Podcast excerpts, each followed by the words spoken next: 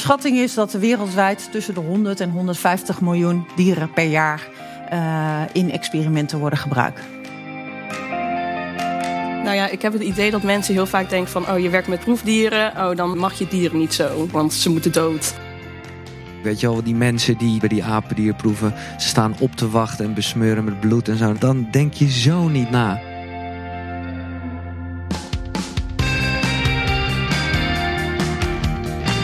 Kennis is er om gedeeld te worden. In Utrecht maakt kennis, een programma van Podium, ontdek je de tofste onderzoeken van de Hogeschool Utrecht van dit moment. Live vanuit Bibliotheek Neuden zoeken wij tot op de bodem uit wat deze onderzoeken ons kunnen leren over de wereld waarin wij leven.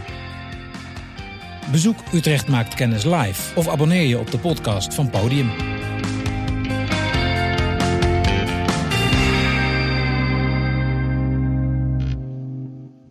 Wist jij dat we in Nederland elk jaar een half miljoen proefdieren gebruiken? En dat bijna 90% van de dieren deze proeven niet overleeft? Toch zijn dierproeven hard nodig. Denk aan medisch onderzoek. Gelukkig komen er ook steeds meer alternatieven. Hoe realistisch is een proefdiervrije toekomst? Daarover gaat deze editie van Utrecht maakt kennis. Te gast zijn lector Cyrille Krul van het lectoraat Innovative Testing in Life Sciences and Chemistry, DJ Giel Belen, de dierkundestudenten Melissa en Isette en spoken word artiest Tom Strik. De live presentatie is in handen van Patrick Nederkoorn en Eline Donker.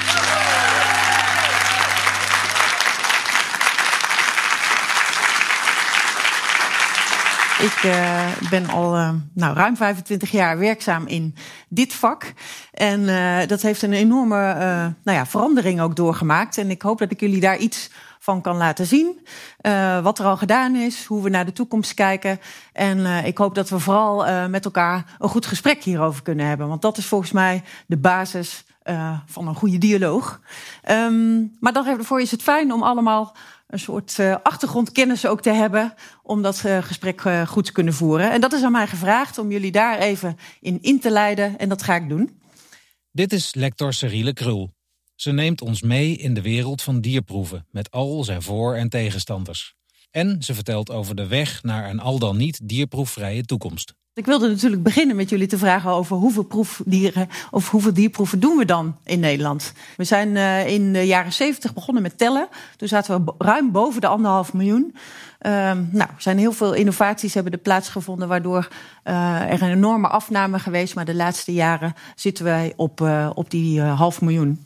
Als we het dan over Europa hebben, hè, om het even in de context te praten, dan praten we ongeveer over ruim 10 miljoen uh, dieren.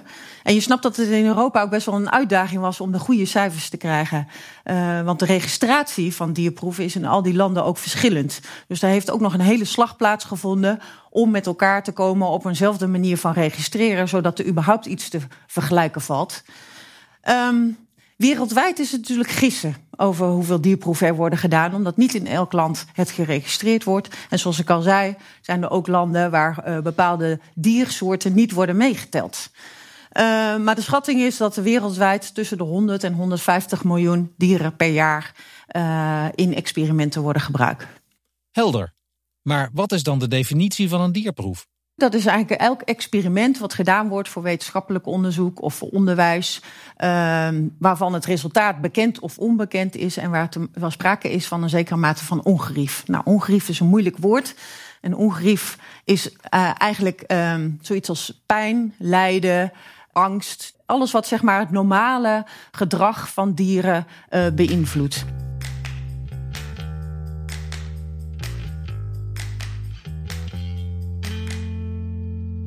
Over welke dierproeven gaat het? Um, of over welke proefdieren, sorry. Je hoort mij die, uh, die uh, spraakverwarring al maken. En die is natuurlijk heel vaak. Um, welke proefdieren worden er gebruikt? Nou, het overgrote deel van die 500.000 dieren zijn knaagdieren, ratten en muizen. Sommige mensen denken alleen maar aan konijnen, omdat die nou eenmaal, uh, die kwamen vaak voor in, uh, hè, in de, uh, de spotjes ook in de jaren 80 en 90 tegen dierproeven.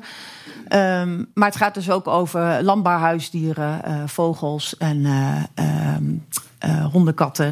Jaarlijks worden er dus heel veel, En heel veel verschillende dieren gebruikt voor dierproeven.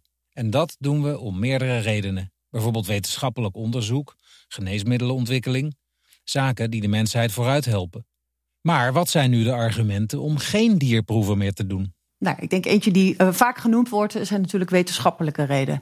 Want hé, hey, um, wij lijken uh, in veel opzichten niet op een muis. Um, dus um, oh, er zijn voldoende wetenschappelijke redenen om te kijken naar andere modellen dan die van proefdieren als het gaat over onderzoek bij de mens. Mechanistisch onderzoek is ook in proefdieren, omdat je naar het complete proefdier krijgt, best lastig. Hè? Als je echt in wil zoomen op een detail over een uh, biologisch uh, mechanisme, uh, dan is dat moeilijk in proefdieren.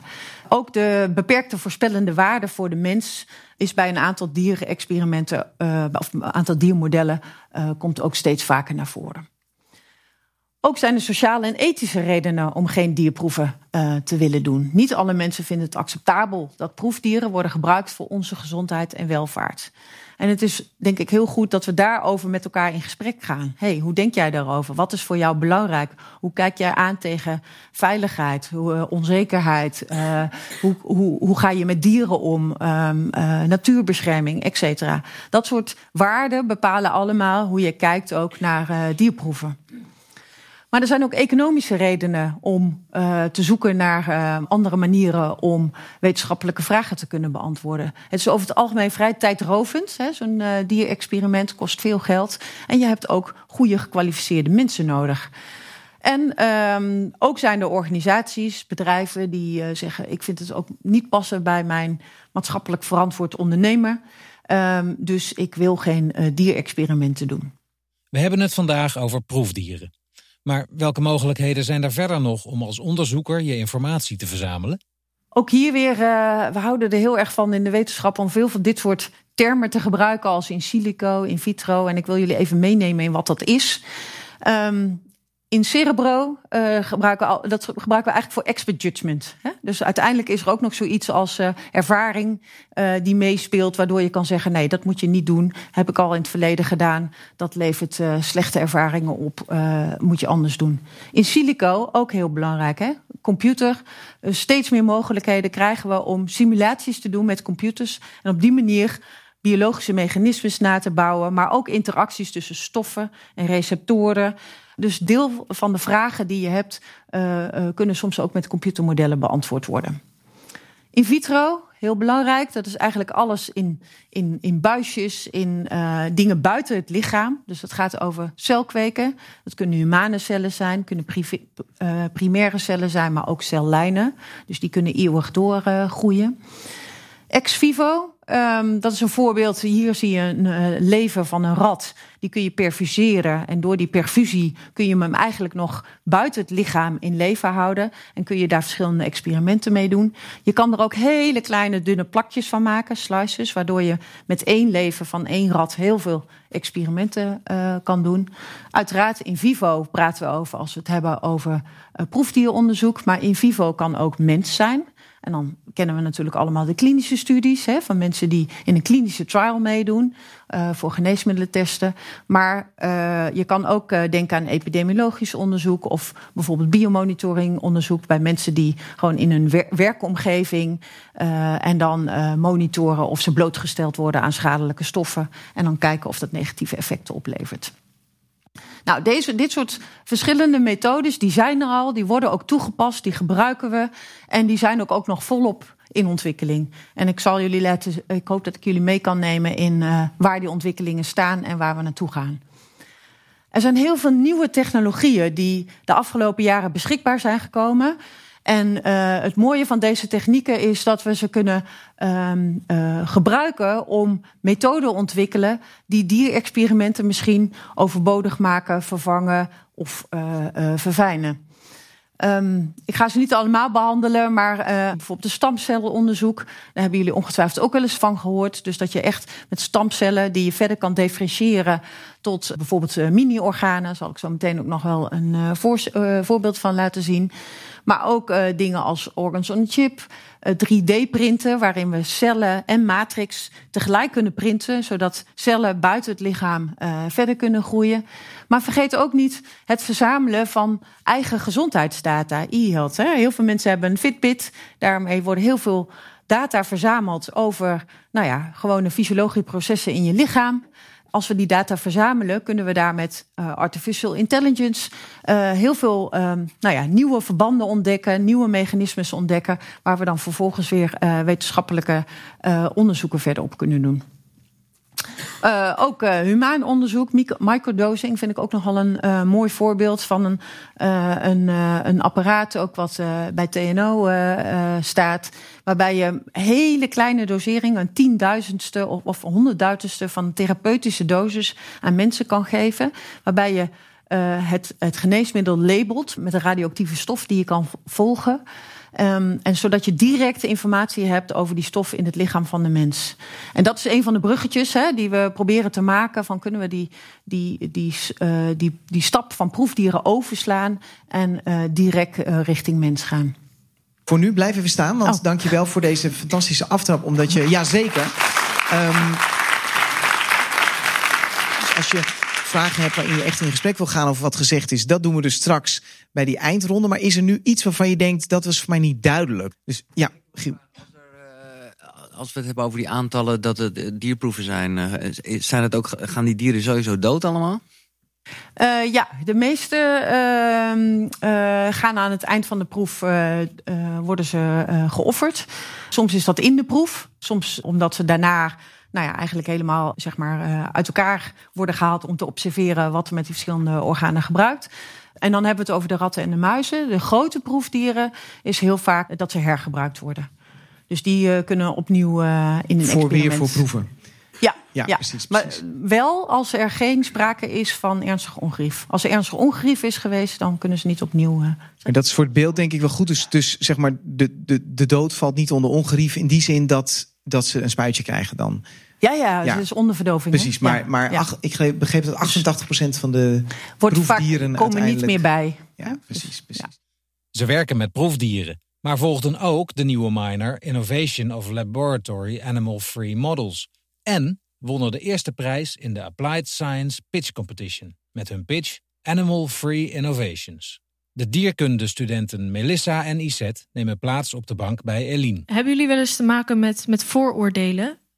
Nou ja, ik heb het idee dat mensen heel vaak denken van... oh, je werkt met uh, proefdieren, oh, dan mag je, mens, uh, mag je dieren niet zo... want ze moeten dood of dat soort dingen. Van, ja, een beetje van dat soort vooroordelen denk ik vooral. Ja, van, begrijp je, je dat, aan. Dat die vooroordelen er zijn?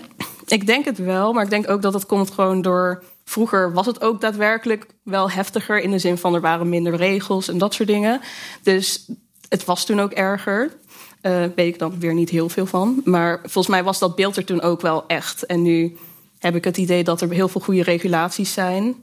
Um, maar dat dat nog niet heel erg naar boven komt, zeg maar. Ik denk dat heel veel mensen uh, niet echt een goed beeld hebben van wat dierproeven eigenlijk zijn en hoe ermee uh, omgegaan wordt. Dus ook door de mensen in het werkveld zelf, hoe ze met de dieren omgaan. En dat eigenlijk iedereen die met dieren werkt ook een dierenvriend is.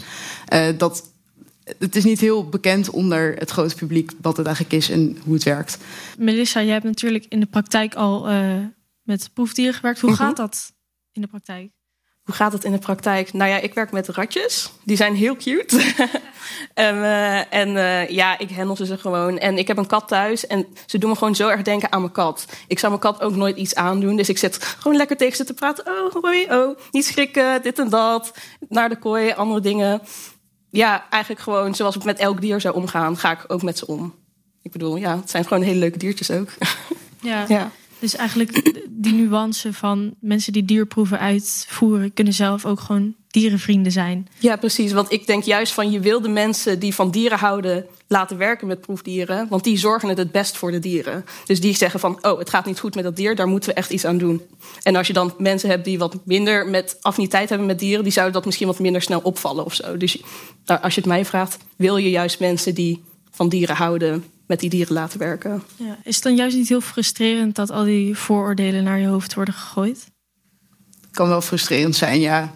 Uh, om, omdat het vaak niet begrepen wordt. En je kan het ook niet zo goed uitleggen. Uh, omdat als iemand anders een andere mening hebt dan jijzelf. Uh, het is moeilijk om iemand, iemands mening te veranderen zonder dat hij het echt heeft gezien of echt heeft meegemaakt. dus het is soms frustrerend. Maar ik denk dat we het best wel goed van ons kunnen afschuiven. Omdat we wel zeg maar, zelf echt weten hoe het echt is. Ja. Maar ben je dan wel bijvoorbeeld op je hoede? Als je bijvoorbeeld zegt van nou, ik werk met dierproeven. Zeker. Als in ik zeg in het algemeen niet van oh ja, ik werk in het laboratorium ook met uh, proefdieren. Daar ben ik eigenlijk altijd wel een beetje voorzichtig mee. Ze zeg gewoon oh ik werk in het laboratorium. Oké. maar dat dierendeel, dat, dat hou ik heel genuanceerd of heel vaag juist. Het liefst. Ja. Ja. ja, en jullie hebben de nieuwe HuMiner gedaan. Het heet Innovative Laboratory Animal Free Models. Ja, onthouden allemaal, komt een overhoring achteraf. Um, en jullie hebben een prijs gewonnen in de Applied Science Pitch Competition. -hmm. uh, met jullie idee. Wat voor idee hebben jullie gepitcht? Nou ja, het ging eigenlijk meer over het idee dat er überhaupt deze miner er is. Dus het ging niet zozeer over de echte inhoud. Ook al praten we daar natuurlijk wel over in die pitch. Maar het gaat er meer over van wij doen nu onderzoek naar en met alternatieven. Dus zonder gebruik te maken van proefdieren. Ik denk dat dat vooral de essentie ja. is. En ook uh, de opzet van, van het onderwijs. Dat je dus als student zelf aan de slag gaat met uh, nou, eigenlijk een casus. Uh, hoe kunnen we een bepaalde stof testen in iets anders dan een proefdier? Um, maar met de middelen die er nu wel zijn, hoe, hoe kan je dat doen? Dat is best wel uh, uniek, omdat het niet heel vaak gedaan wordt. Op zo'n manier uh, onderwijs geven. Dus daar ging de pitch ook vooral over. Ja. Aan het begin zeiden jullie allebei van hè, we, vinden, we, we, we zijn dol op dieren en zo. En dat is ook eigenlijk belangrijk voor de keuze van deze opleiding. Tegelijkertijd zijn jullie dus bezig om een miner te ontwikkelen waarbij die dieren eigenlijk verdwijnen. Hè? Dus, dus stel nou dat je helemaal niet meer met dieren zou werken, zou je dan het werk nog willen doen? Of is het, zijn jullie ook iets aan het bedenken waardoor het eigenlijk voor jullie juist minder interessant wordt? Nee, ik denk dat als de dieren helemaal verdwijnen, want dat is denk ik wat dat we allemaal willen, yeah. um, dat we het werk nog steeds zouden willen doen. Dat is ook waarom we juist die miner hebben gekozen. Precies. Zodat we ook de technieken waarbij je geen dieren gebruikt, dat we die ook onder de knie, onder de knie krijgen. Waardoor we dus ons werk juist kunnen voortzetten in de toekomst. Uh, is dat misschien ook nog een deels een antwoord op die vraag? Dat je, dat je voor jezelf zegt: Oké, okay, ik, ik ben ook bezig met het uiteindelijk beter te maken. Omdat er, hè, als, als deze ideeën doorgezet worden, er minder dierproeven nodig zullen zijn? Ja, en het is ook door de regulaties weet je van oké, okay, we doen dit voor een bepaald doel. Dus het is niet zomaar, oh, we gebruiken deze dieren voor wat dan ook. Het is natuurlijk heel erg goed nagedacht van is het echt nodig, et cetera. En daardoor heeft het al een goed doel zeg maar, voor de mensheid, ja. of hoe je dat ook maar ziet. Dus ja, dat weegt ook natuurlijk op. Ja, ik denk dat dat een belangrijk punt is wat je zegt. Hè? Van, zij doen geen dierproeven, maar zij doen onderzoek naar bijvoorbeeld het begrijpen van een bepaalde ziekte. En we zeggen eigenlijk elke keer, we moeten het juiste model bij de vraag, bij de vraag die we hebben zien te vinden. En de ene keer is dat een diermodel, de andere keer is dat een, een experiment uh, in een kliniek, de andere keer is dat met een uh, in vitro model. En dat is denk ik belangrijk om voor ogen te houden. Hè? Dus waarom doen we het? Wat is exact de vraag? En wat is het beste model wat daarbij past?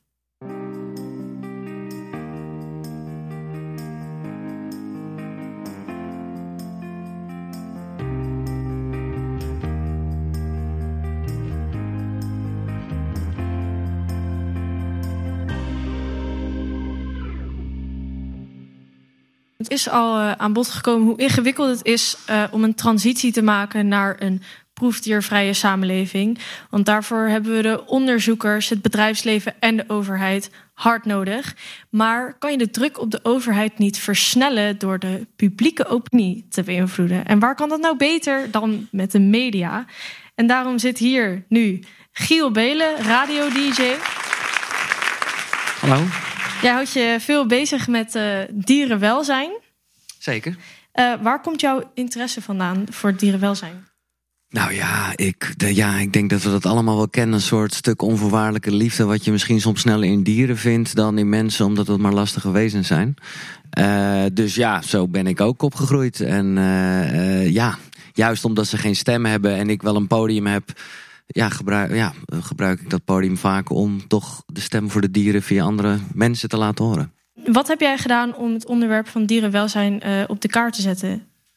Ja, verschillende dingen. Ik vind het altijd leuk om mensen een beetje te chockeren, omdat ze dan uh, gaan nadenken erover. Dus eentje wat me te binnen schiet was dat uh, ik wel wilde voelen hoe het is om een dier te zijn. Dus ik heb een dag, dat was niet zo heel schokkend, maar een dag in een hele kleine kooi gezeten. om, om, een soort legkipachtig gevoel te krijgen.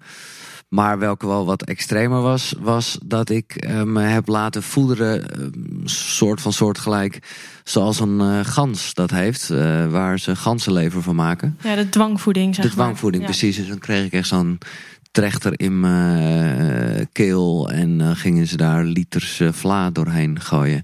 En dat, ja, dat ziet er gewoon heel heftig uit, maar dat is wel precies wat er gebeurt natuurlijk. Nou, we hebben het vandaag onder andere over dichterbij brengen van uh, innovaties op het gebied van proefdiervrij onderzoek. Ja. Op welke manier zouden de media dat kunnen stimuleren? Nou ja, daar zat ik er net al wat meer over na te denken. Omdat, uh, nou ja, wat ik al zei, ik geloof wel in dat je daarin. Uh, kijk, de, de, de, de voorstelling of de presentatie die we net zagen super tof en leerzaam. Uh, maar ja, niet in een beeld te vatten. Dus misschien, dat was net mijn eerste uh, gedachte erover, moet je het juist toch wel weer omdraaien. Kijk, we hebben allemaal, tenminste ik wel, uh, die mensen verfoeid die op straat liepen met allemaal vreselijk mishandelde dieren. Uh, en dan moest je maar doneren. En dan dacht ik gewoon, doe even normaal, jongen. Ik ben hier gewoon uh, even aan het winkelen. En dan confronteer jij met iets wat ik sowieso wel erg vond. Dus hoezo moet ik dat leed nog zien? Daar zou ik van weg willen blijven. Maar ik denk wel dat je het eerder zou kunnen omdraaien. En, en toch wel iets met dierproeven. En dus, nou ja, wel degelijk dieren uh, kan laten zien. Om vervolgens daaruit de noodzaak te destilleren dat er alternatieven zijn en dat daar gewoon in geïnvesteerd moet worden. Ja, zie je daar ook een rol in voor jezelf? Nee. Nee, ja, weet je, ik maak gewoon een radioprogrammaatje en uh, daar. Nee, ja, ik bedoel, dat zeg ik nu heel Natuurlijk, als ik dat zou kunnen doen met liefde. Maar, uh, nou, ik denk niet dat ik daar op dit moment uh, zeg je dat? Uh, nou ja, bij machten ben om dat te doen. Wel in een wat breder verhaal. Ik heb een podcast en die gaat over zelfontwikkeling en spiritualiteit. Daar komen in het verlengde hiervan dit soort issues ook wel naar voren. Maar ik vind altijd wel, en dat is wat ik daar ook bewaak. Uh, dat je gewoon niet hypocriet moet zijn. Want dan zitten mensen hele verhalen te vertellen over. Nou ja, wat ik goed vind. Hoe wij als mensen helemaal geen vlees horen te eten. En, en, en, meer voor het fruit gaan en zo. Maar ja, uh, ik zit hier ook nog met mijn leren schoenen aan en zo. Weet je, je moet, je moet er wel gewoon eerlijk in zijn. Um, eigenlijk zeg je, bij mij begint het bij liefde voor dieren en eigenlijk voor, voor, voor het geheel. Maar daarin maak je wel een onderscheid tussen echt dierenleed. Daarvan zeg je provoceren, aankaarten. In dit geval zeg je, dit is eigenlijk genuanceerder. Dus hier zou je eigenlijk vanuit de media, die vaak juist voor het effect zijn, zie je niet echt een rol om dit te agenderen. Nou, dat is ik, wat je... nou, dat denk ik wel. Want ik, ik denk dat het nodig is. Tenminste, daar heb ik geen idee van. Maar ik kan me voorstellen dat er gewoon uh, juist voor alternatieven veel meer geld en aandacht nodig is. Ja. En dan denk ik nog steeds dat je, daarom zei ik van ik zou het omkeren en dan toch iets met die dieren willen doen. Ja. Dat je toch daarvoor de provocatie wel gebruikt. Ja. Juist, en maar om de, gewoon voor jezelf persoonlijk, dat was het einde wat je zei. Jij zit even niet, iets minder op de actualiteit. Ja. Maar vanuit de media zeg jij, is er wel degelijk een rol om die druk te leggen en om, om eigenlijk die, toekomst waarin minder dierproeven zijn, om die dichterbij te Ja. brengen. Heel goed. Ja, en ik vind gewoon, en dat merk ik nu ook alweer. Daarom vond ik het heel uh, dapper eigenlijk van deze twee dames dat ze hier uh, zaten omdat er natuurlijk, weet je wel, die mensen die bij die apendierproeven, ze staan op te wachten en besmeuren met bloed en zo. Dan denk je zo niet na. Ja. En dat is dan zo, zoals ik ook echt, weet je, op een gegeven moment heb ik echt besloten om mezelf geen vegan meer te noemen. Omdat daar gewoon een soort agressie van uitgaat bij een hoop gasten die het op zich met het, het best in hun achterhoofd doen. Alleen totaal de plank misslaan. Nou ja, daar werd mee begonnen. Uh, de dialoog uh, werkt altijd. Die gaan we voeren. Uh, Cyril en, en uh, Isette en Melissa, willen jullie de, erbij komen zitten? We hebben het verhaal van lector Cyrille gehoord.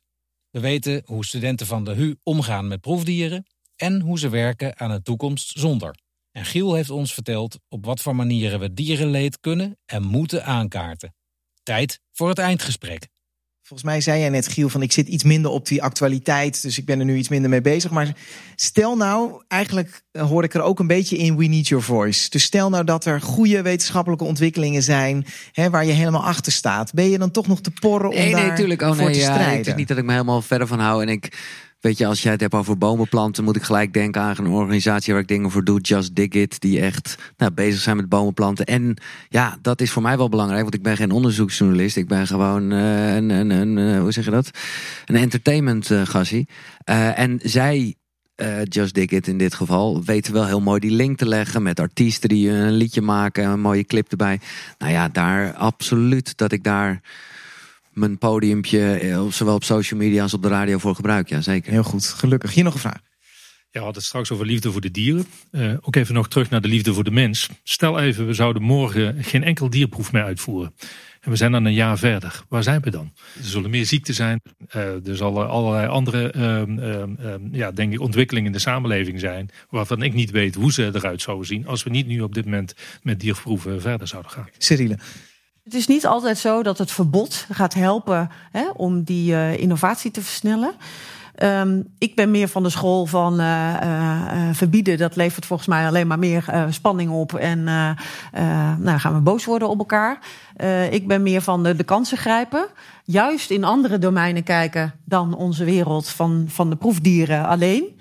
Dus ik noemde niet voor niks dat voorbeeld van uh, de data scientist, de computermensen. Maar ook, ik ben veel meer de laatste tijd in gesprek met mensen uit de sociale uh, wetenschap. Die snappen dat het gaat over gedragsverandering, over cultuurverandering. Wat moet je dan doen? Dus gebruik maken van allerlei uh, ontwikkelingen in andere gebieden, die gaan dit gebied volgens mij verder helpen. Um, nou ja, en dan um, helpt het ook om het gesprek met elkaar te hebben over wat vinden we nou belangrijk? Waar zit de grootste urgentie? Hè? Waar moeten we morgen iets aan doen? Um, en ja, daar moeten we met elkaar afwegingen maken. Maar wat houdt dat dan tegen op dit moment? Ja, dat is een goede vraag. Hè? Waarom kunnen we morgen nog niet stoppen? Um, nou, er zitten technologische of technische dingen. We kunnen nog niet alles nabootsen. Ik liet uh, organs on a chip zien. Maar hey, ons lichaam bestaat uit organen die met elkaar communiceren. Nou, dat lukt ons nog niet in een petrizaaltje.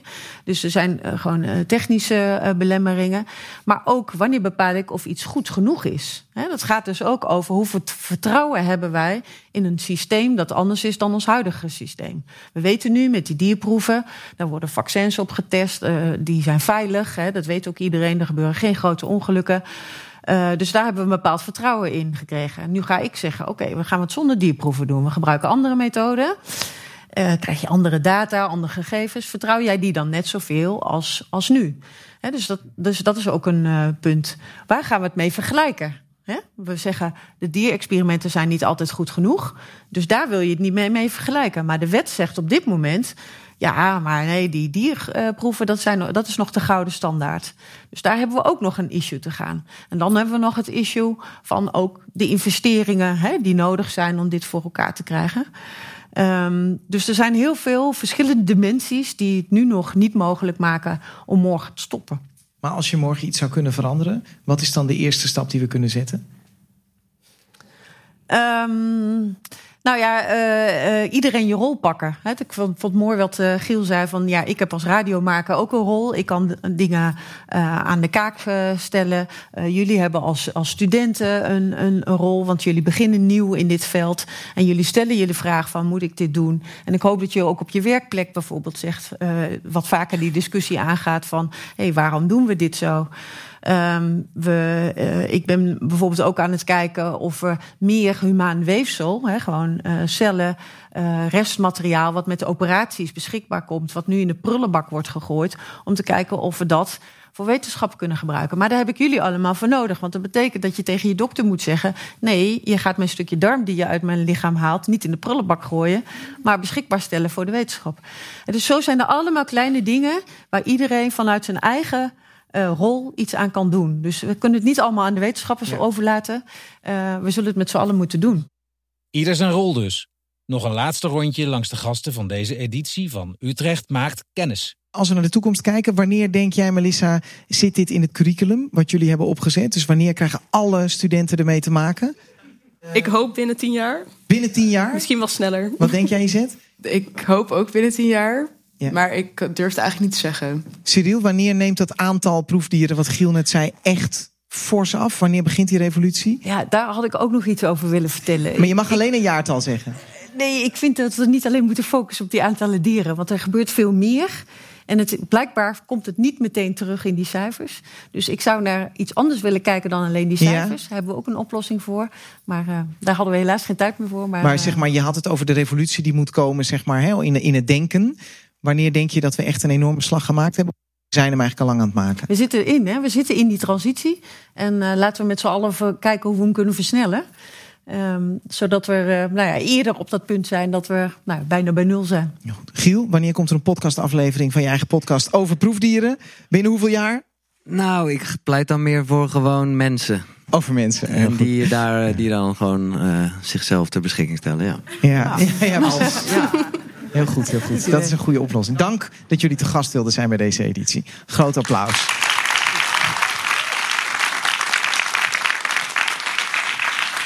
Het laatste woord is voor spoken word artiest Tom Strik. Hij vat de middag poëtisch samen. En je hoort daar een fragment uit. Vandaag is een speciale dag, want Utrecht maakt kennis met Proefdierendag.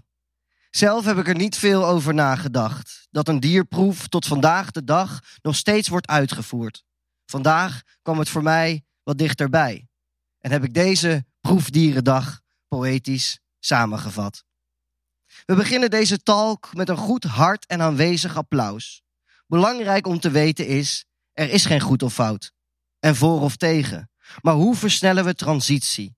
Daarom zijn hier vandaag Cyrille Krul, Melissa, Iset en Giel Belen om hun kennis met ons te delen.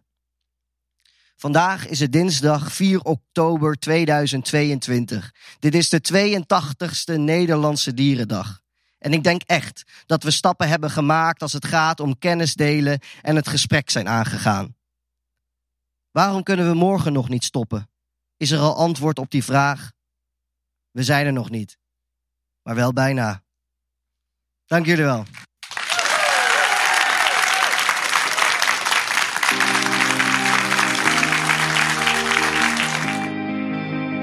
Wil jij Utrecht maakt kennis of een ander programma van Podium live meemaken? Kijk op podium.hu.nl slash agenda voor de komende data. Of volg Podium op Insta via podium.hu. Vond je dit een interessante podcast? Laat dan een review achter in je favoriete podcast-app. Utrecht maakt kennis is een productie van Podium, het cultureel studentenplatform van Hogeschool Utrecht. Gasten in deze aflevering waren Cyrille Krul, Giel Belen en de studenten Melissa en Iset. Spoken Word, Tom Strik. Live presentatie Patrick Nederkoorn en Eline Donker. Redactie Alinde Hoeksma, Amber Hoesijn en Eline Donker. Partners Bibliotheek Utrecht en Utrecht Science Week. Deze podcast werd geproduceerd door Matthijs Duringhof en Michiel van Ruitenbeek.